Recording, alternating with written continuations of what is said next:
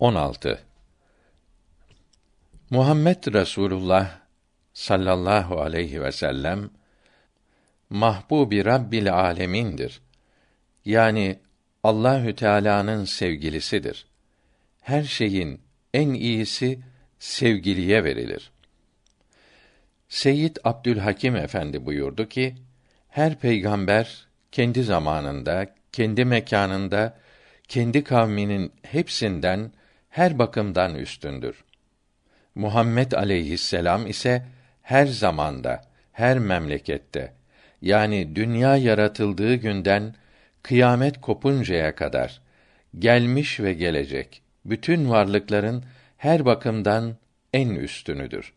Hiç kimse hiçbir bakımdan onun üstünde değildir. Bu güç bir şey değildir. Dilediğini yapan, her istediğini yaratan onu böyle yaratmıştır. Hiçbir insanın onu met edecek gücü yoktur. Hiçbir insanın onu tenkit edecek iktidarı yoktur.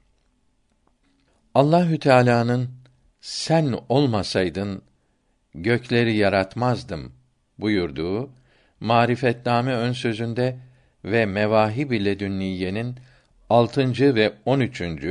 ve Envar-ı Muhammediye'nin 13. ve 15. sayfelerinde yazılıdır.